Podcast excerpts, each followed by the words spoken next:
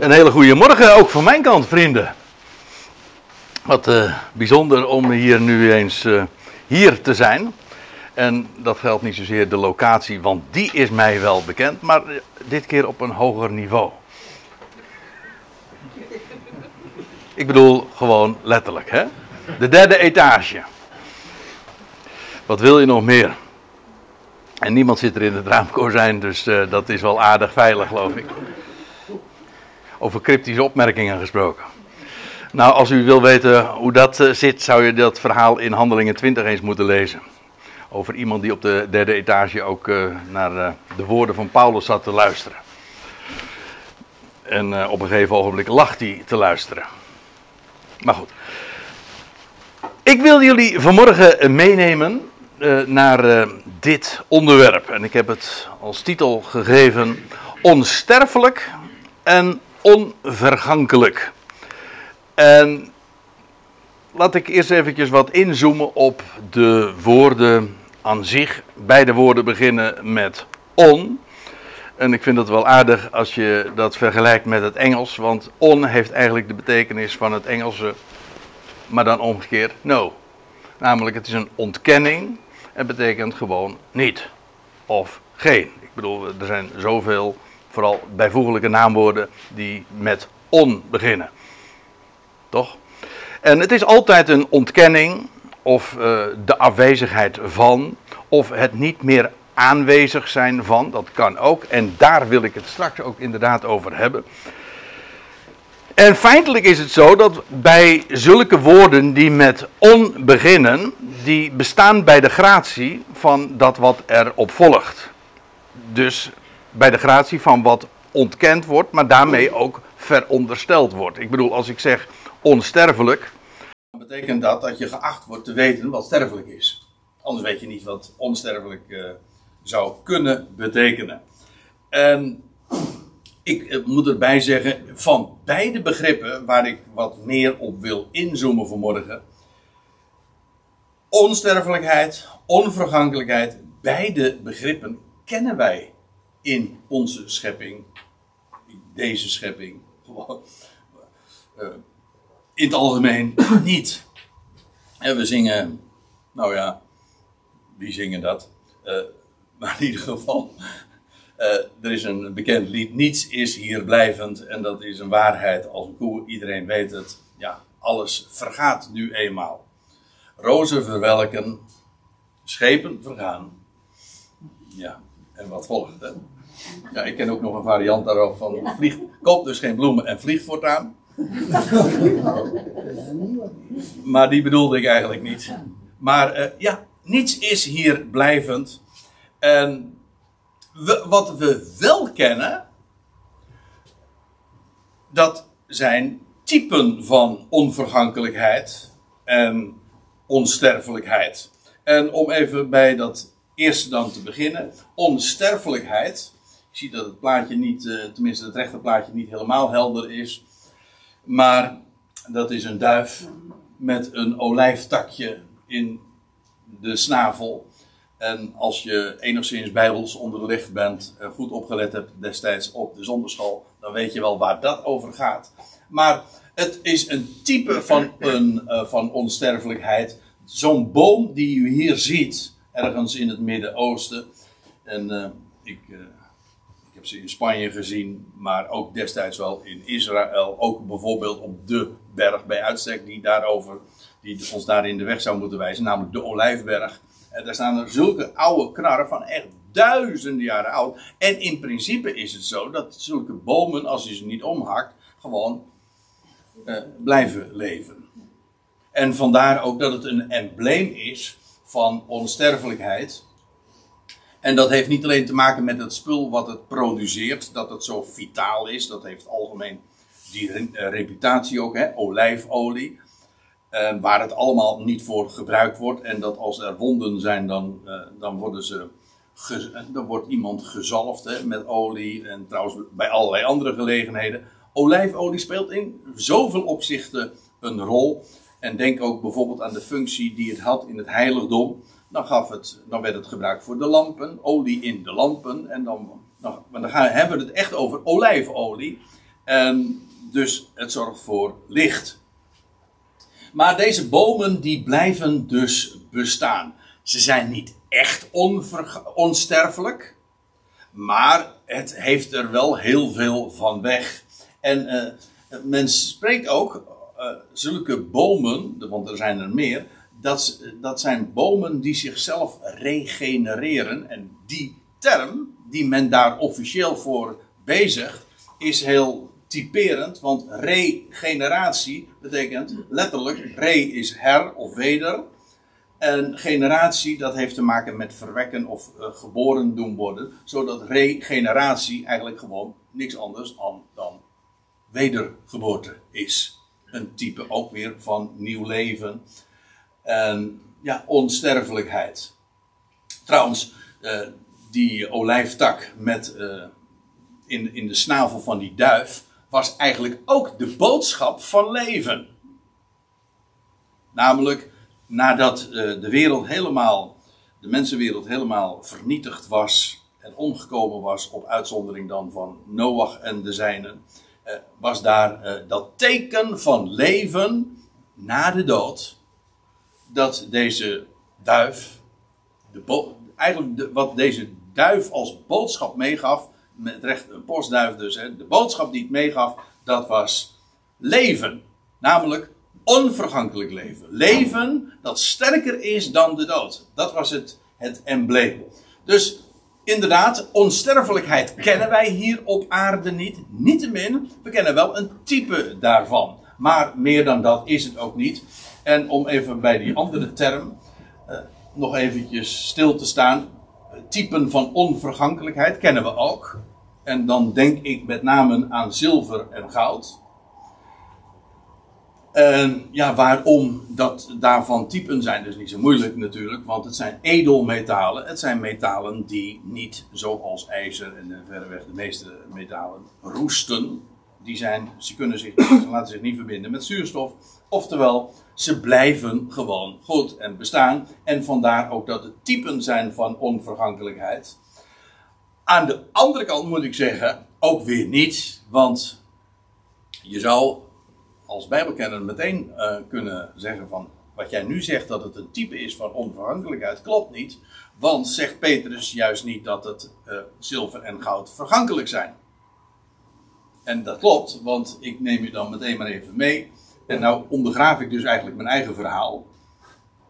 Namelijk dat zilver en goud weliswaar de reputatie hebben een beeld te zijn van, zil, van onvergankelijkheid. En toch, het is heel relatief en betrekkelijk. Uh, Petrus zegt, en ik val midden in de zin, in vers 18 van het eerste hoofdstuk, wetende dat jullie niet met vergankelijke dingen, zilver of goud, bent vrijgekocht. Dus ja, uh, het mag dan de naam hebben van, uh, van onvergankelijkheid. Het is het niet echt natuurlijk, want hier op aarde en in deze wereld, in deze schepping, is niets in de absolute zin onvergankelijk. En zelfs, uh, zegt Petrus dan ook, we zijn niet vrijgekocht met uh, vergankelijke dingen, zilver of goud, uit jullie ijdele wandel die van de Vader is overgeleverd. Hij heeft het hier dus, hij spreekt hier tot de besnijdenis. Petrus was een apostel van de besnijdenis van Israël. En hij zegt, de, jullie zijn daar niet van vrijgekocht met behulp van of door middel van zilver en goud, maar met het kostbare bloed van Christus. Waarmee je eigenlijk dus meteen ook weet dat als zilver en goud verwijst naar vergankelijkheid, dan is het zo dat dat kostbare bloed van Christus verband houdt en verwijst naar onvergankelijkheid. Niet met vergankelijke dingen van zilver en goud, maar met het kostbare. Hoezo kostbaar? Omdat dat namelijk onvergankelijk is. En dan weet je ook meteen dat het bloed van Christus niet alleen maar spreekt van sterven. Natuurlijk, het veronderstelt de dood. Maar het gaat juist over het bloed van Christus. Is dat wat er overbleef na zijn dood. En eigenlijk dan pas ook de functie vervult. Want bloed, kijk het maar na.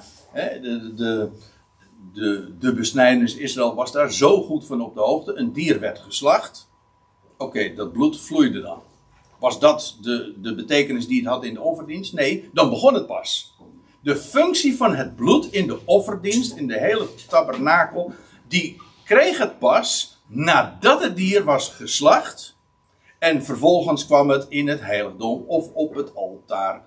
Nou ja, er zijn heel wat uh, plekken, maar ik noem nu eigenlijk wel de belangrijkste dingen. En dat spreekt gewoon van hem die leeft, van hem die voortbestaat, dat wat overblijft na de slachting. En nu is hij in het heiligdom. Of hij is de verhoogde op het altaar, want dat is een verhoging. Hoe dan ook, eh, dat kostbare bloed van Christus spreekt van de dood en de opstanding. Ik zou ook gewoon kunnen zeggen van de opstanding van Christus. Want als ik zeg opstanding, veronderstelt dat de dood. Er bestaat nu eenmaal geen opstanding zonder dat er eerst een dood aan vooraf gegaan is. Dus het kostbare bloed, hoezo kostbaar? Wel, het is onvergankelijk. Hoezo onvergankelijk? Omdat het te maken heeft met, met de slachting, maar vooral met dat wat daarvan overblijft en wat daarna komt. En dat is ja, het spreekt dus van het lam dat geslacht is, maar dat inmiddels staat. Opgestaan is, opgewekt is, leeft. Dus ja, zilver en goud zijn uh, onvergankelijk, maar dat dan wel tussen aanhalingstekens en dus heel relatief gesproken. In de absolute zin niet. Zodat we eigenlijk praten over uh, vanmorgen over onsterfelijkheid en onvergankelijkheid. En beide begrippen kennen we hier niet. We, we praten dus eigenlijk over iets uh, dat gedefinieerd wordt in het negatieve. Dat is net zoiets als dat je zegt: um, Wie bent u? Nou, ik ben, uh, ik ben niet Rob Breuren. Ja, uh, dan, weet je, dan weet je wie ik niet ben. maar dan weet je niet wie ik wel ben. Kijk, anders wordt het wanneer er naar mij gezocht wordt. Bent u Rob Breuren? Dan zeg nee, ik ben niet Rob Breuren. Oké, dan ben ik genoeg. Zoiets. Dan, kijk, als, het, als er maar twee opties zijn. Als ik zeg ik ben niet vrouwelijk, dan weet u genoeg. Dan ben ik uh, kennelijk mannelijk. Maar als er natuurlijk vele opties zijn. Kijk, ik bedoel dit te zeggen. Als we zeggen van onvergankelijkheid, onsterfelijkheid, uh, dan hebben we het over iets wat we hier niet kennen. En dat maakt het heel moeilijk. Want alles is hier sterfelijk. En alles is hier vergankelijk. En je zegt dus eigenlijk iets van wat het niet is. Dat geldt trouwens voor heel veel dingen. Als we het hebben over de nieuwe schepping. Eh, kijk het maar na in openbaring 21. Dan staat er daar is geen, daar is geen moeite meer. Geen dood, geen rouw. Ja. Dus er, eigenlijk, wordt eigenlijk niet zozeer. Er, wordt eigenlijk niet zozeer gezegd wat er wel is. En als dat er wel gezegd wordt over wat daar wel is, dan begrijpen we. Maar we begrijpen wel van, oh, er is geen rouw, geen moeite. Geen... Ik ken ook iemand die, uh, die, daar, die daar niet zo blij mee was. Die heette namelijk rouw. Ja, ja je zal maar rouw heten en je, en je leest dan, er is geen rouw.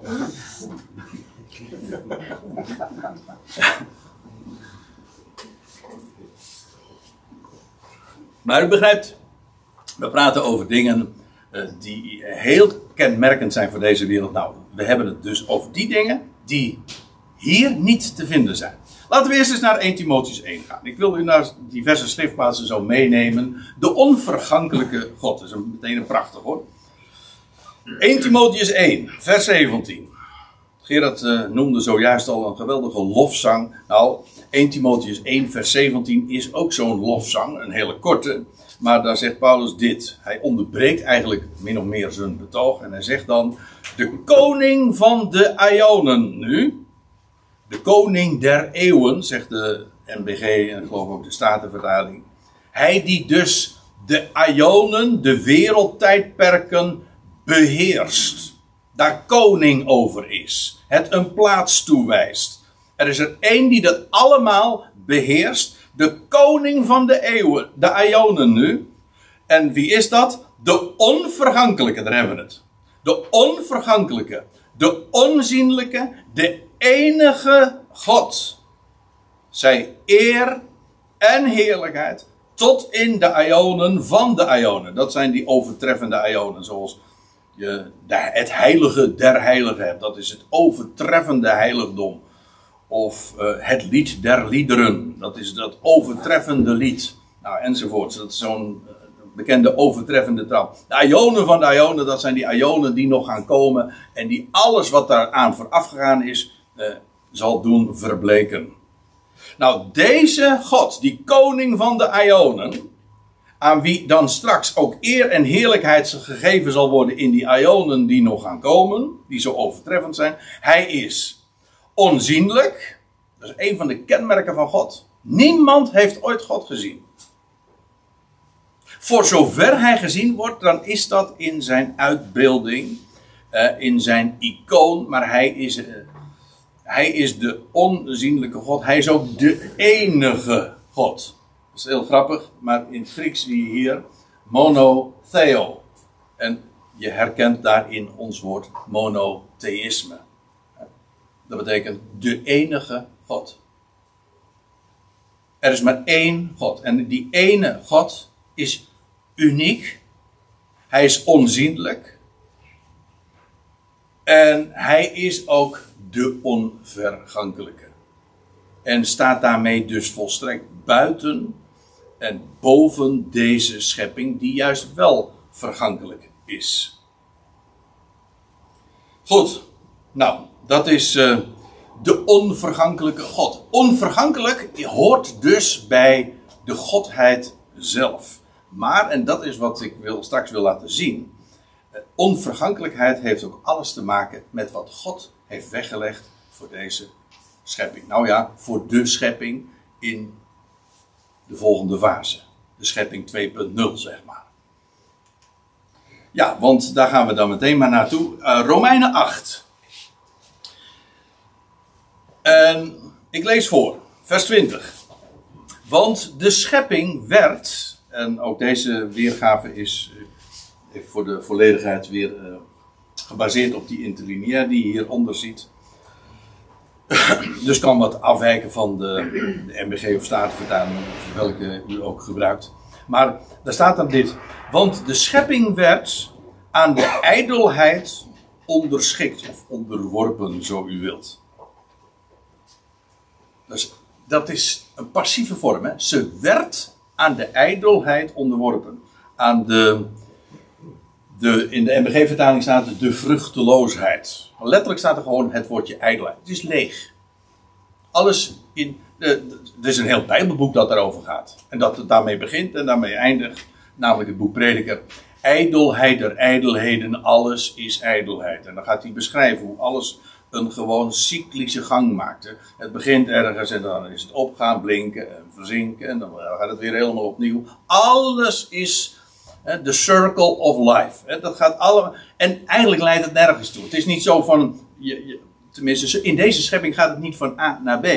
Zo van. Uh, je, je bent een stuk verderop. Nee, het gaat allemaal weer steeds hetzelfde rondje. En dat is die ijdelheid. Je wordt geboren op een bepaalde dag. En je sterft weer op een bepaalde dag. En dat is allemaal, nou, dat is wat prediker beschrijft ijdelheid. En de schepping werd daaraan onderschikt. En dan staat er, maar niet vrijwillig, maar om hem die haar daaraan onderschikt. Dit vind ik zo bijzonder. Waarom? Omdat hiermee gezegd wordt dat de schepping ijdel is, maar dat dat niet haar keuze is. Dit staat trouwens wel tegenover de eigenlijk het gangbare theologische idee dat deze schepping ijdel is, dat komt doordat het schepsel daarvoor gekozen heeft. Toch? Daarom is het fout gegaan. Nee, zegt Paulus, de schepping is uh, inderdaad aan de ijdelheid onderworpen, ondergeschikt, on, onderschikt, maar dat is geen keuze van haarzelf. Het is niet vrijwillig. De schepping heeft daar niet voor gekozen in het algemeen, of het schepsel, of een schepsel. Nee, het is daaraan onderschikt om hem die haar daaraan onderschikt. Dus om één iemand, mannelijk, enkelvoud, God. Die heeft de schepping daaraan onderschikt. En dat betekent dus dat deze schepping ijdel is, by design. Dat is het ontwerp. Zo heeft God de schepping ontworpen dat deze schepping in aanvang, in aanleg, ijdel is. Dat moet zo zijn. Maar staat er meteen, bij, want als ik hier een punt zou zetten, dan is dat, geen, dan is dat niet erg hoopvol. Maar eh, het loutere feit dat God dit gedaan heeft, betekent dat hij daar een bedoeling mee heeft. Dus het loutere feit dat we de ijdelheid in deze wereld waarnemen, ervaren, ook aan de lijve. Ik bedoel, die ijdelheid, dat is geen leuk dingetje.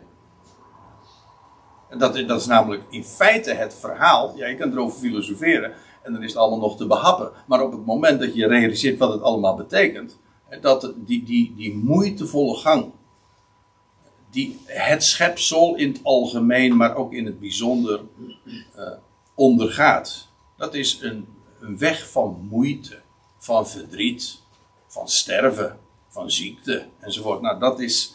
Het, want het is maar niet een kwestie van. Het, eindigt een keertje. weet je, het gaat, weg, uh, het gaat een weg en dan punt. Uh, nou is het geëindigd. Die weg die het gaat naar het einde is er ook een van neergang. En, en dat maakt het heel tragisch. Die ijdelheid, ja. Maar staat er hierbij op hoop. Gebaseerd, dus dat staat letterlijk. Ja. In de MBG-vertaling staat er dan die, uh, in hopen echter. Er staat letterlijk op hoop, op, op verwachting.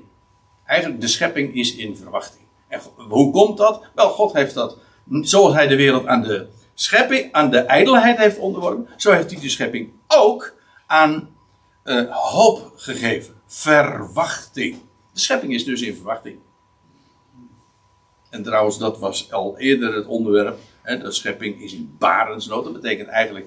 Uh, ja, het vrouwelijke is in feite ook. Uh, ja, hoe zeg je dat nou netjes? Een leegte. Maar dat gevuld wordt. Namelijk met nieuw leven. En dat is de verwachting.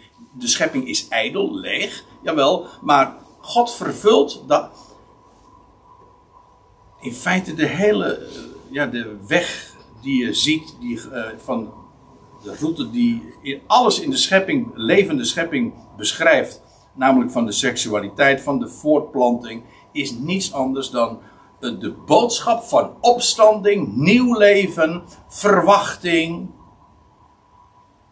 En dat is wat de schepping in het algemeen ondergaat. De schepping is in verwachting, in blijde verwachting. Waarom? Omdat de schepper, de man, de schepping, het vrouwelijke, zwanger heeft gemaakt. Ja, ja. Haar zaad heeft, zijn zaad heeft gegeven. Haar, zijn woord, nieuw leven. Door opstanding. Heeft hij haar zwanger, is ze in leven. Door de opgestane is deze schepping inderdaad in verwachting, in blijde verwachting, in hoop. Nou, en dan komt het omdat ook de schepping zelf bevrijd zal worden van de slavernij van de vergankelijkheid. Tot de vrijheid van de heerlijkheid van de kinderen van God.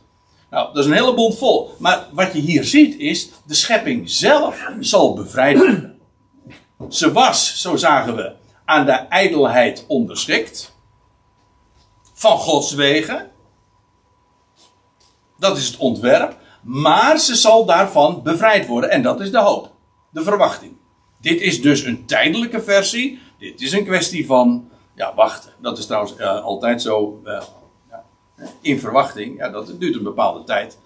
En dan is het wel mooi als je weet dat het, in, dat het hoort bij de verwachting. Al die moeite die er is, hoort bij de verwachting. En daar is het naar uitkijken naar. En de schepping zelf zal bevrijd worden van de slavernij van de vergankelijkheid. Eigenlijk is dit een andere term voor wat we al zagen, namelijk de ijdelheid. Waaraan de wereld is onderschikt, geschikt, gemaakt. Het is namelijk slavernij van de vergankelijkheid. De wereld, deze schepping is vergankelijk, alles vergaat. En dat is zelfs een slavernij. Het is, het is daaraan onderschikt. Aan onderschikt. Het, het is er, er is ook geen ontkomen aan. Het moet zo. Dat is wat een slaaf ook is die heeft geen keus. In die positie is hij. Hij zit daarin gevangen. Die vergankelijkheid is een gevangenis. Ma en daar zit ze aan vast. Maar tijdelijk. In hoop. In verwachting. En dat is uh, wat er gaat gebeuren. De schepping zelf, nu, deze schepping, die gaat bevrijd worden van de slavernij van de vergankelijkheid, waar het nu aan onderschikt is. Die ijdelheid. En wel, het zal veranderen, het, de schepping wordt getransformeerd. Vernieuwd. Ze zal bevrijd worden tot de vrijheid van de heerlijkheid van de kinderen Gods. Kijk, als de slavernij van de vergankelijkheid uh, plaats moet maken, ja, want de, schepping zal bevrijd daarvan worden, van de slavernij van de vergankelijkheid. En wat gebeurt er dan? Wel, dan krijg je de vrijheid van de heerlijkheid van de kinderen Gods. Dus slavernij komt, staat tegenover uh, vrijheid.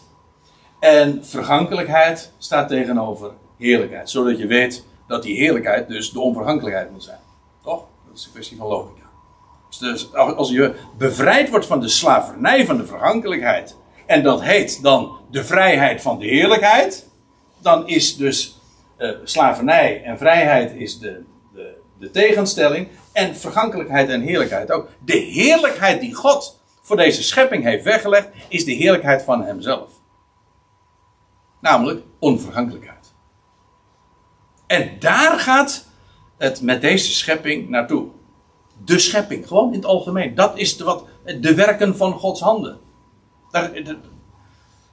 En dan mag er rangorde zijn, en dan mag er eerste en tweede en derde, en mag, dat is allemaal tot je dienst. Maar God heeft de schepping daartoe gezet. Zoals de hele schepping aan de slavernij is onderworpen aan de vergankelijkheid, zo gaat de hele schepping is bestemd tot de vrijheid van de heerlijkheid van de kinderen van God.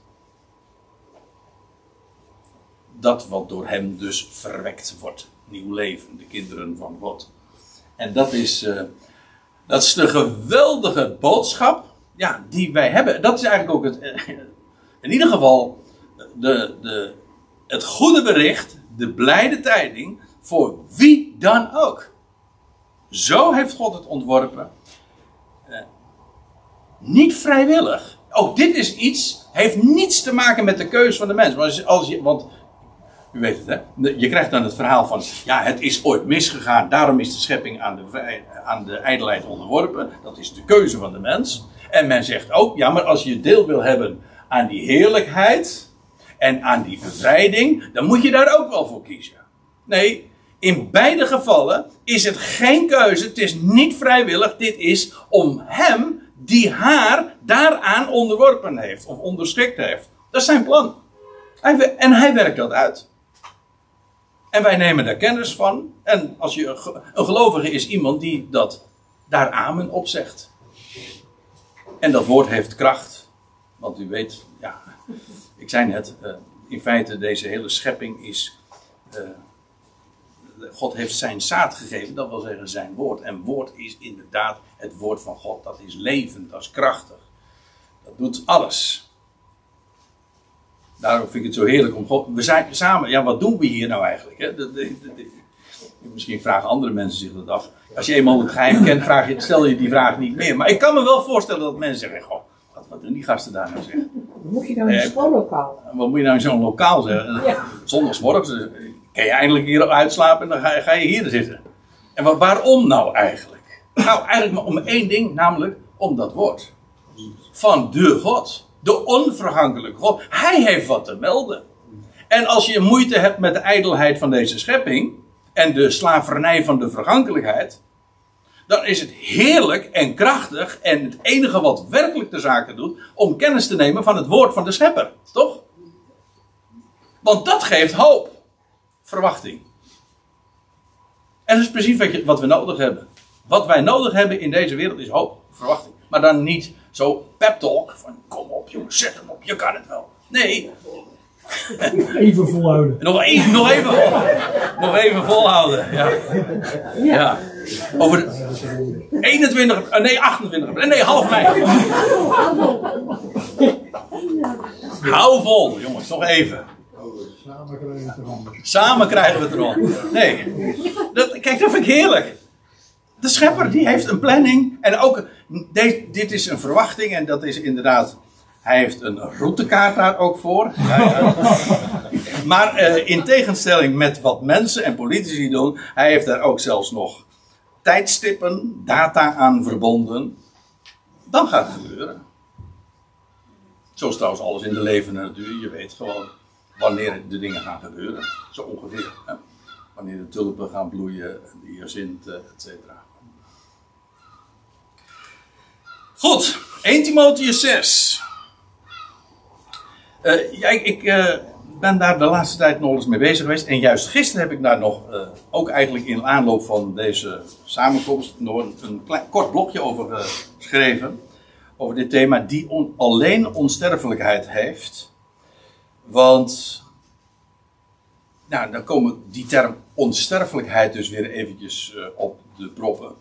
Om even trouwens eh, nog eh, het verschil eigenlijk aan te geven. Kijk, van onsterfelijkheid en onvergankelijkheid.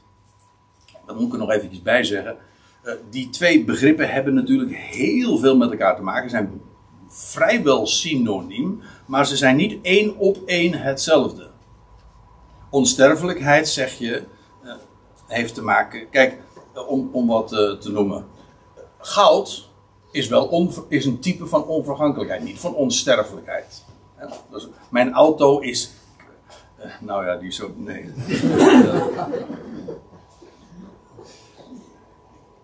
van levenloze dingen zeg je sowieso niet dat het eh, sterf, ook niet sterfelijk is. Sterfelijk suggereert inderdaad dat het zou kunnen sterven. Dan moet daar die optie zijn. Van goud of van een auto, weet ik wat. eh, sp- spreken we niet van het, een auto is niet sterfelijk. Het is wel vergankelijk. Dus de, de begrippen hebben met elkaar te maken, maar ze zijn niet helemaal één op één hetzelfde. Eigenlijk onvergankelijkheid is een breder begrip. Sterfelijk is specifiek en gaat over dus anders gezegd, eh, iets wat sterfelijk is, is wel vergankelijk, maar iets wat vergankelijk is, is niet altijd sterfelijk.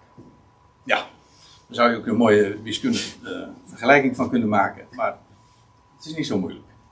Goed, die alleen onsterfelijkheid heeft. Ik ga er even snel doorheen, maar eh, omdat het me gaat om dat 16e vers. Ik lees even voor. Tot aan de, eh, vanaf vers 14, tot aan de verschijning, toekomstig, van onze Heer eh, van onze Heer, namelijk Jezus Christus. Welke op eigen tijden, welke dat slaat op verschijning, dat zie je in, het, in de vertaling niet. In Nederlands of in het Engels of zie je dat niet, maar in het Grieks zie je dat perfect. Eh, want welke is dan namelijk eh, vrouwelijk. Net als het woord verschijning. En dat welke verwijst dus naar verschijning en niet naar Jezus Christus, want dat is mannelijk. Dat is heel mooi hoe, de, hoe specifiek het Grieks daarin is. Maar welke, en dat slaat dus op de verschijning, op eigen tijden zal tonen. Dus de verschijning zal op haar momenten, eh, want er zijn diverse fases, momenten nog weer in aan te wijzen, zal op eigen tijden tonen wat wel de gelukkige en de enige machthebber. En wie is dat? Dat is de koning der koningen en de heren der heren. En wie dat is? Wel, openbaring 17 zegt het. Daar staat, dat is het lammetje dat overwint. Hij is de Heer, de, Heer van heren. Dus alle heren die er zijn, die hebben één Heer. En alle koningen die er zijn, hebben één koning. Hij is de koning der koningen. Is weer zo'n overtreffende trap als waar ik het net ook over had. En wie is dat? Eh, wel, ja, dat is de Heer Jezus Christus, ja. Die straks zal verschijnen. En hij is die machthebber en de koning der koningen en de heren der heren. Die alleen onsterfelijkheid heeft. En een ontoegankelijk licht bewoont. En de reden waarom ik daar vorig, eh, ja, onlangs ook, eh, heb ik daar nog een specifieke bijbelstudie over gegeven. Maar eh, gisteren ook een, een kort blogje aan gewijd. Omdat meestal, als ik het zo lees, denk ik van hoe kan het je ontgaan? Maar meestal zeggen uitleggers van ja, dit gaat over God. Nee, dit gaat niet over God. Die is wel de bron van de onsterfelijkheid. Maar van God lezen we nooit dat hij onsterfelijk is. Wel de onvergankelijke. Maar onsterfelijk lees je nooit. die alleen onsterfelijkheid heeft, dat is onze Heer Jezus Christus. Hij, het, wat daarmee gezegd is, dat Paulus zegt, hij, de koning der koningen, het land dat overwonnen heeft, of dat zal overwinnen, hij is de enige die alleen onsterfelijkheid heeft. Op, het is trouwens ook weer, dat is heel grappig, maar het heeft, dat is tegenwoordige tijd. Dat wil zeggen, op dit moment. Straks wordt het anders. Hè? Want straks krijg je. Uh, Paulus zegt: zoals in Adam alle sterven, zo zullen in Christus allen worden levend gemaakt. Christus, maar zegt er erbij: ieder in zijn eigen rang worden. Christus als eersteling in het verleden. Daarna, of vervolgens, die van Christus zijn in zijn parousia, in zijn verschijning is dat. Dat is de tweede groep, de tweede rangorde, de tweede afdeling. Maar dat is nog toekomstig. Dat betekent dat op dit moment is er maar één iemand die onsterfelijk is. En dat betekent, uh, dat verwijst naar één iemand, de Heer Jezus Christus. Hij is namelijk levend gemaakt. En dit woord uh, onsterfelijkheid. In het Grieks is dat uh, athanasia. Athanasia. En degene die enigszins op de hoogte zijn van de kerkgeschiedenis, die, die gaat nu een, een, een belletje horen rinkelen. Want die zegt: hé, hey, was dat niet zo'n figuur in de vierde eeuw? Uh, in die kerkstrijd destijds. Ja. Je had, de, je had het, de, het concilie van Nicea, waar het ging over de leer van de drie eenheid. En toen was er iemand die dat promote, Athanasius. En die Athanasius zei van, ja, je hebt God de Vader en je hebt ook God de Zoon en trouwens ook nog God de Heilige Geest. Dat zijn drie personen, maar dat is één wezen. Die man die heette Athanasia. Athanasius.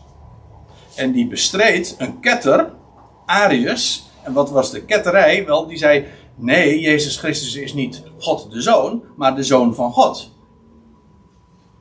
de ketterij, de ketterij van Arius werd veroordeeld. Ja, dus het is bizar. De Bijbel zegt, er is één God, de Vader. Jezus Christus heet nooit in de schrift God de Zoon, maar altijd consequent de Zoon van God. Logisch, als er maar één God de Vader is, dan moet de Zoon de Zoon van God zijn. En dat is precies zoals hij tientallen keren ook genoemd wordt. Nooit God de Zoon. Maar goed, Athanasius zei van wel. En toen werd vervolgens uh, Arius uh, als ketter aan de, aan, aan, uh, aan, niet aan de gesteld, maar als ketter veroordeeld. Zo ging dat. En sterker nog, iedereen die in de ketterij van Arius meegaat, staat nu nog in alle officiële geloofsbeleidenissen van alle grote kerkelijke instituten. Die kan zelfs niet zalig worden. Iemand die gelooft wat Arius geloofde, die ketter, weet u wel. Die kan niet zalig worden. Dan weet u dat.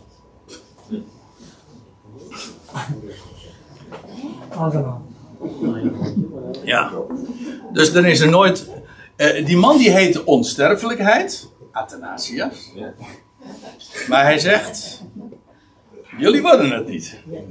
Hij heeft zichzelf wel onsterfelijk gemaakt. Ja, belachelijk.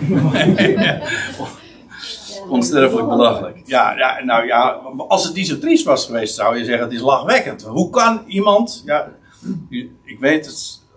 Het wordt uitgezonden live. Dus dat kan je zomaar nagedragen worden. En, en, het is vreselijk arrogant om natuurlijk zo een de hele officiële orthodoxie zo even aan de kant te schuiven en te zeggen: het is onsterfelijk belachelijk.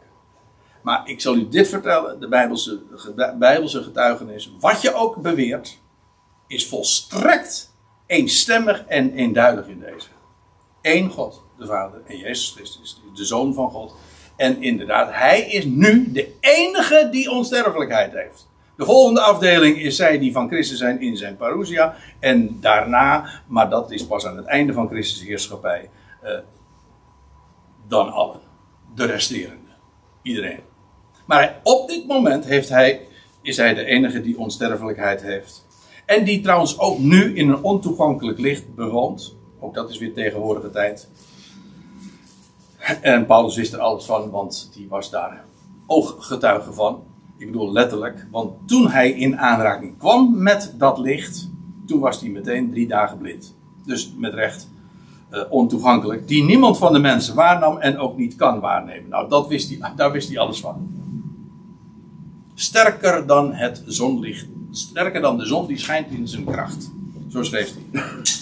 Wel, hem zij eer, hem, die koning der koningen, zij eer en eeuwige, ionische kracht. Amen. Ja, de Heer Jezus Christus is dus nu de enige. Dat komt omdat hij, maar hij is de eersteling. De rest gaat dus volgen. Ieder in zijn eigen rangorde. Maar tot dusver de enige dus, in onsterfelijkheid. Ik neem u nog naar een ander schriftgedeelte mee en dat is 1 Korinthe 15. Um, ja, als er één hoofdstuk is dat bij uitstek spreekt over deze termen, is het 1 Korinthe 15. Kijk er trouwens maar na. Het is ook het enige hoofdstuk waar beide termen worden gebezigd. In, uh, in zelfs dezelfde versen. En ik noem ze niet eens allemaal, want dat zou een beetje te ver voeren. Maar ik begin bij 3, vers 53. Paulus had net in het voorafgaande gesproken, had hij een, een geheimpje, uh, nou ja, geheimpje, een geheim verklapt. Hij zei, broeders, ik, ik deel jullie geheimenis mee. Een verborgenheid, een mysterie.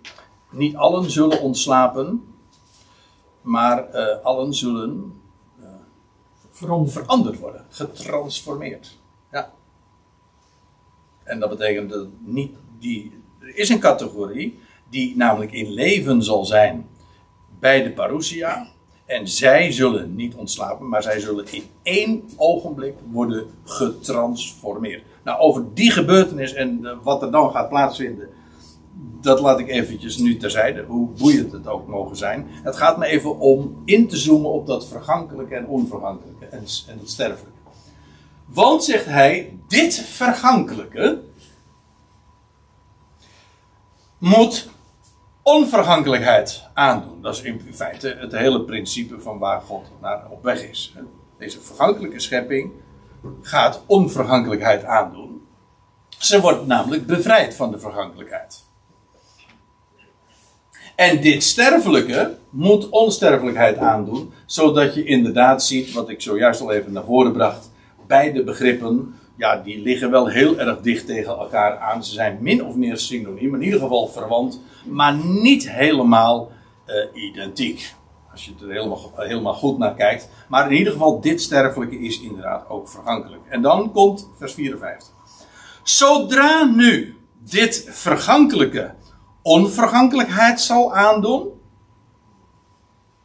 Ik moet er even bij zeggen, wat ik zojuist ook even al aanstipte. Maar het gaat hier eigenlijk nog steeds over dat moment dat uh, de Heer zal verschijnen en de bazuin zal gaan en wij dan veranderd zullen worden.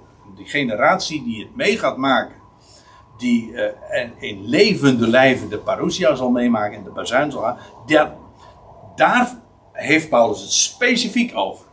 Wel, maar het principe al zodanig is uh, universeel, geldt namelijk voor de hele schepping. En dan geldt, zodra nu dit vergankelijke onvergankelijkheid zal aandoen, en dit sterfelijke onsterfelijkheid zal aandoen, ziet u, onsterfelijkheid, dat betekent niet slechts uh, niet sterfelijk, maar het is vooral niet meer sterfelijk. Het was sterfelijk, maar het sterfelijke moet onsterfelijkheid aandoen. Vandaar dat, van God, dat je van God niet leest dat hij onsterfelijk is. Hij is de onvergankelijke God, maar hij is niet de onsterfelijke God. Nee, er is maar één die onsterfelijkheid heeft. Nu, waarom?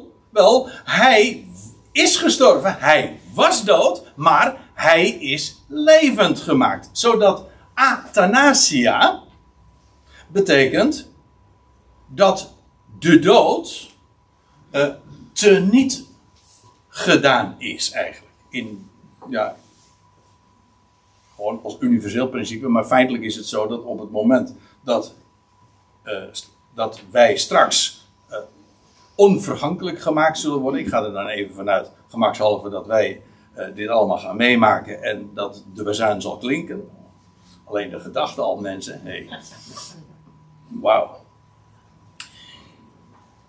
Dan kun je zeggen dat dit lichaam, dus aanhalingstekens, maar dit, dit vergankelijke heeft dan onvergankelijkheid aangedaan. En dit sterfelijke is dan onsterfelijk geworden. Zal onsterfelijkheid aandoen.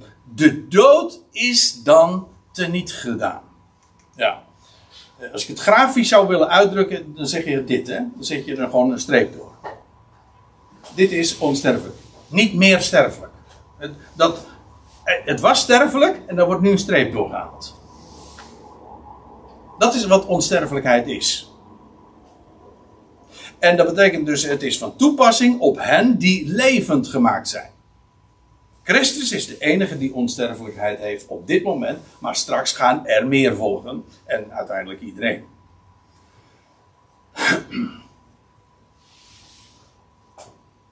Ik, ik vond daar trouwens in de, eventjes terzijde, nog uh, meerdere voorbeelden van in de Griekse taal, waarbij je ook uh, woorden die beginnen met een A, A, Thanasias, Thanasia is dood. A wil gewoon zeggen, ja, zoals wij trouwens ook heel veel woorden hebben die beginnen met A. En dat betekent niet. Maar dat het een ontkenning is van, maar ook uh, het niet in de zin van het laat het achter zich. Er is bijvoorbeeld een heel mooi woord. Uh, je hebt het woordje verschijnen. En je hebt ook het uh, in het Grieks het woordje verdwijnen. Maar in, in het Grieks is het woord verdwijnen, het werkwoord verdwijnen, dat betekent eigenlijk niet verschijnen. Dat wil zeggen, de verschijning wordt, je was er, je was verschenen, en dat wordt uh, ongedaan gehouden. Je, je, je verschijnt niet meer. Dus de verschijning wordt teniet gedaan. Dat is eigenlijk wat verdwijnen is. En dat geldt dus ook voor dat onsterfelijkheid. Je was sterfelijkheid, maar de sterfelijkheid, daar wordt een streep door gehaald. Dat is een dubbele ontkenning eigenlijk ook. Hè? Want feitelijk is het zo dat in de dood wordt het leven teniet gedaan. Ja, sorry dat ik een beetje filosofisch ben vanmorgen, maar goed. Um, dat de, kijk, wij zijn, wij zijn stervelingen. En uh, in feite, wat de dood doet, is het leven teniet doen. Maar wat het evangelie is, is de boodschap dat de dood teniet gedaan wordt. Dus dat wat teniet doet, wordt teniet gedaan. En dan komen we weer op die wiskundige formule. 2 keer negatief is positief. Negatief maal negatief is positief. Inderdaad, als je, als je dat negatieve, de dood, te niet doet, is ook negatief, dan heb je. Dan heb je leven met allemaal hoofdletters, maar dan ben je echt, dat is niet cyclisch hè. Dit is dan ben je echt verder gekomen, want dan is het maar niet zo dat je uh, weer net als ooit leeft. Nee, nu heb je de dood achter je. Dat is het grote verschil met wat we nu hebben, want nu hebben we de dood voor ons. Ik bedoel, als stervelingen. Als zodanig. Het onsterfelijke heb je de dood achter je. En dat betekent dus dat er alleen maar leven is. En dat is dus, als, er geen, als je de dood achter je hebt, ben je dus onvergankelijk. En dus ook onsterfelijk. En dat is athanasia. Dan zal het woord geschieden, hetgeen geschreven is, verzwolgen werd de dood in overwinning. Kijk, dit is athanasia. De dood is verzwolgen in de overwinning. Hier verzwelgt de dood elk leven, dat is wat sterfelijkheid is. En straks wordt de dood verzwolgen, zodat er geen dood meer is. En hoe doet God dat? Door allen levend te maken. En als allen levend gemaakt zijn, dan is er dus geen dood meer. En zo is de dood er niet gedaan. Dus de dood te niet doen is feitelijk een hele positieve daad. Doordat God allen levend maakt, daardoor doet hij de dood op die wijze teniet. Nou, dan neem ik u tenslotte nog mee naar 2 Timotheus 1. uh, waar de term onvergankelijkheid, onvergankelijkheid ook nog voorkomt. En ehm, ik zei al eerder, ik ben eh, vanmorgen niet compleet. Maar goed, we bladeren zo wat door het Nieuwe Testament waar deze termen gebezigd worden. En ik eh, eindig met een, eh, een hele mooie hoor. Voor zover die andere al niet mooi waren, maar deze. Ook nu val ik weer even midden in een nogal lange zin, daar is Paulus erg goed in. Eh, dan zegt hij, die nu geopenbaard wordt door de verschijning van onze redder, Christus Jezus. En nou komt het, want ik laat dat eventjes uh, helemaal af, uh, even voor wat het is, wat er, nu, wat er nu geopenbaard wordt. Het gaat erom, het gaat om de verschijning van onze redder, Christus Jezus. En wie is dat? Die de dood te niet doet. Ook dit staat trouwens in, de, in een aorist. En dat gewoon is een tijdloos feit. Niet zoals de MBG-vertaling heeft die de dood te niet gedaan heeft. Dat staat er niet. Hij, het is, dit, hij, de dood die te niet gedaan wordt, is de, dat is pas.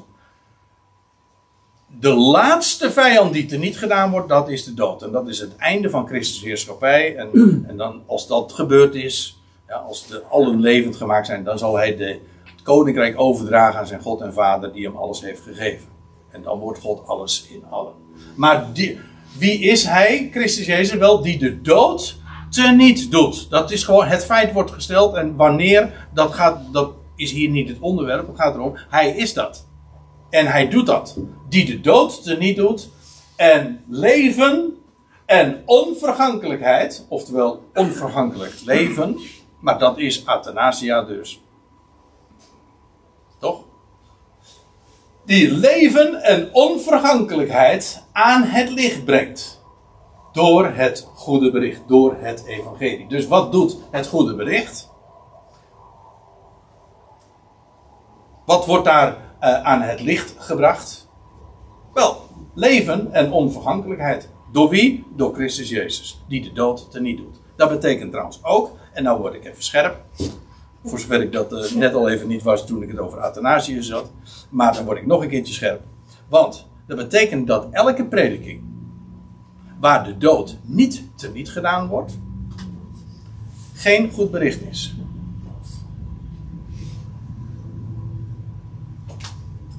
Dus het verhaal, wat hier ook in de, nou ja, over waar niet trouwens, verteld wordt. Vanaf kansels. En de waarschuwing. Jij moet je bekeren. Het is ooit misgegaan door onze schuld, weet je wel, dat is vrijwillige keuze. En als, jij, als het goed wil komen, dan moet jij je bekeren, moet jij kiezen, moet jij er wat gaan doen. Zo niet, dan wacht jou de nimmer eindigende dood. Zo, zo, zo, spreekt men daarover. De eindeloze dood. Het hele concept, de hele gedachte van een dood die niet voorbij gaat, dus nimmer eindigend is,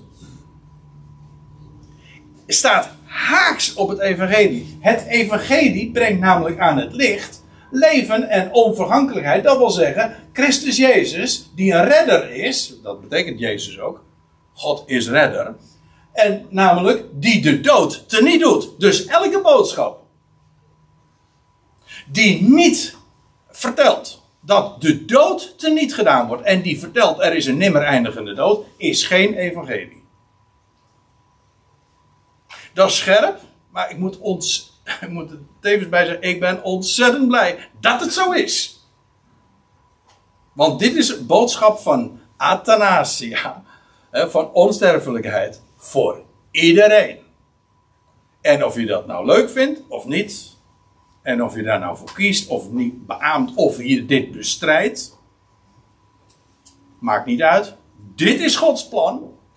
Dit is het goede bericht. En dat is wat het goede bericht aan het licht brengt. En Paulus zegt er ook bij, waartoe ik werd geplaatst. God, hè? dat heeft te maken met het woordje God ook, plaatser. Hij zegt, en Paulus zegt, ik ben neergezet, geplaatst.